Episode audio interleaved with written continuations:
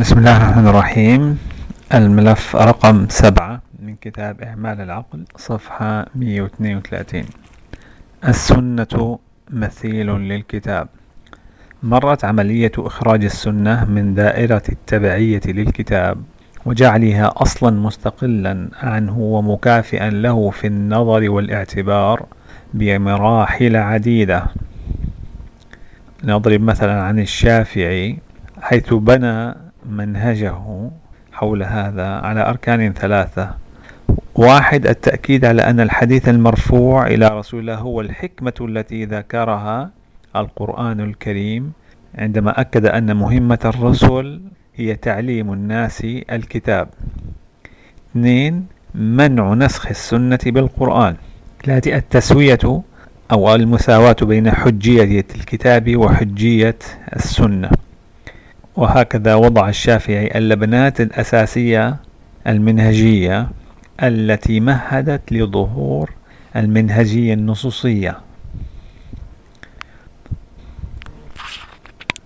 وإعطاء السنة مكانة موازية للقرآن ومساوية له هي التي تتمثل في تفسير الحكمة حيث قال الله تعالى ربنا وبعث فيهم رسولا منهم يتلو عليهم آياته ويعلمهم الكتاب والحكمة.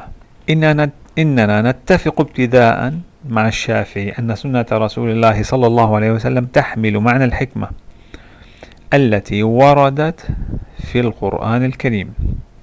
بل نعدها نموذجا رفيعا من نماذج الحكمة التي أعطاها الله لأنبيائه ورسله من قبل.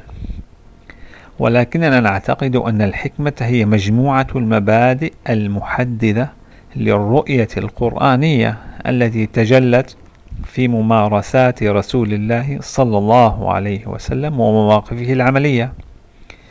لذلك نرى امتناع تحديد الحكمة بأحد النصوص المروية عن عن الرسول الكريم. ويعتمد الشافعي على ركيزة ثانية فإن قال قائل هل تنسخ السنة هل تنسخ السنة القرآن؟ قيل لو نسخت السنة بالقرآن لكانت للنبي فيها سنة. تبين أن سنته الأولى منسوخة. حتى تقوم الحجة على الناس بأين الشيء ينسخ بمثله. واضح من كلام الشافعي أن منع النسخ السنة بالقرآن لا يستقيم. لسببين أن منع الشافعي نسخ السنة بالقرآن قمين بجعل مرجعية الحديث مكافئة لمرجعية القرآن.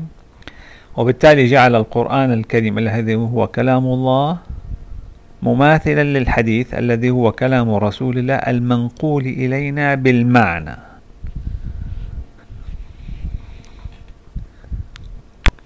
وعندما قال الشافعي عن الحديث عن الآية وما ينطق عن الهوى إن هو إلا وحي يوحى.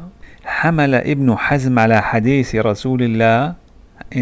حمل ابن حزم على حديث رسول الله. لا يستقيم لغويا. تقديره هو بالرسول. نظرا لوصف الضمير بعد أتاة الحصر. كما يتعذر تقرير الضمير هو بكلام الرسول. ولذلك المقصود فيه هو القرآن الكريم.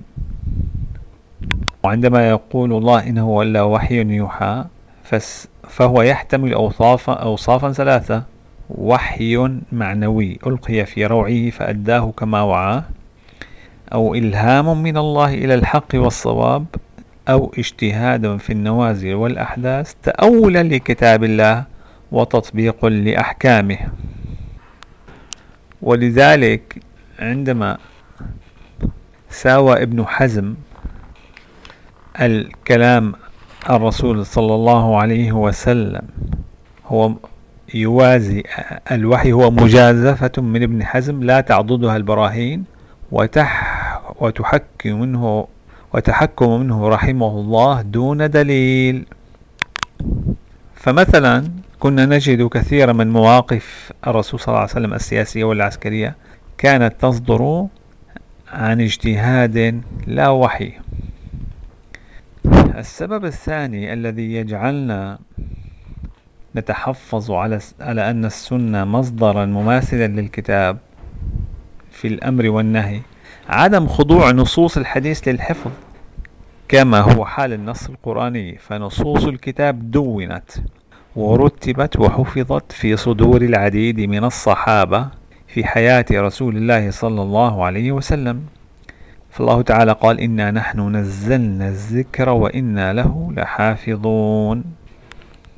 ونحن نرى أن الدعوة بتماثل النص القرآني والحديث المروي شديدة الاضطراب. فالقرآن الذي أداه الرسول صلى الله عليه وسلم كما وعاه كلمة كلمة حرفا حرفا ودون في حياته. وجمعه الرعيل من الص... الأول من الصحابة. لا يتماثل بأي حال مع الحديث الذي يدون بعد قرن من الزمان إلى أن عكف المحدثون في نهاية القرن الثاني ومطلع القرن الثالث على تنقيحه لإخراج ما نحله الوضاعون. إن إصرار الشافعي على التماثل المرجعي بين القرآن والحديث ومنعه نسخ السنة بالقرآن يعود بالدرجة الأولى إلى خشيته أن يؤدي اعترافه بهيمنة الكتاب على السنة وقدرته على نسخ نصوصها إلى رد السنن حال اختلاف أحكامها من مع أحكام القرآن. ونحن لا نرى أن تحصين الحديث يتطلب رفعه إلى درجة مماثلة للكتاب. فقد رأينا سابقا أن رد فقهاء الصحابة والتابعين للحديث عند تعارضه مع الكتاب لم يؤدي إلى إهمال السنة. وإلى عصرنا الحاضر هناك أمثلة. لا زال المحدثون يضاعفون أحاديث صحيحة عند الأوائل فقد ضعف ناصر الدين الألباني أحاديث تلقاها المتقدمون بالقبول. منها أحاديث رواها مسلم لورود ضعفاء ومدلسين في سندها مما عرضه إلى نقمة شيوخ الحديث. الذين أنكروا عليه إخراج خروجه على إجماع الأمة. مثلا هناك كتاب لمحمود سعيد ممدوح تنبيه المسلم إلى تعدي الألباني على صحيح مسلم. يعني حتى المتقدمون المحدثون لهم رأي أيضا. والسؤال الذي يطرح نفسه هنا يمكن صياغته على النحو التالي. هل, تتسا هل تتساوى حجية أحاديث الآحاد التي وصلتنا وحجية آي الكتاب.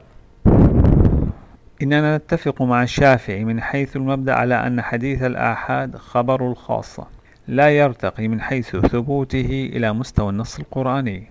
كما نتفق معه على أن ليس لأحد أن يرد حديث آحاد صحيح الإسناد دون دليل أو تأويل.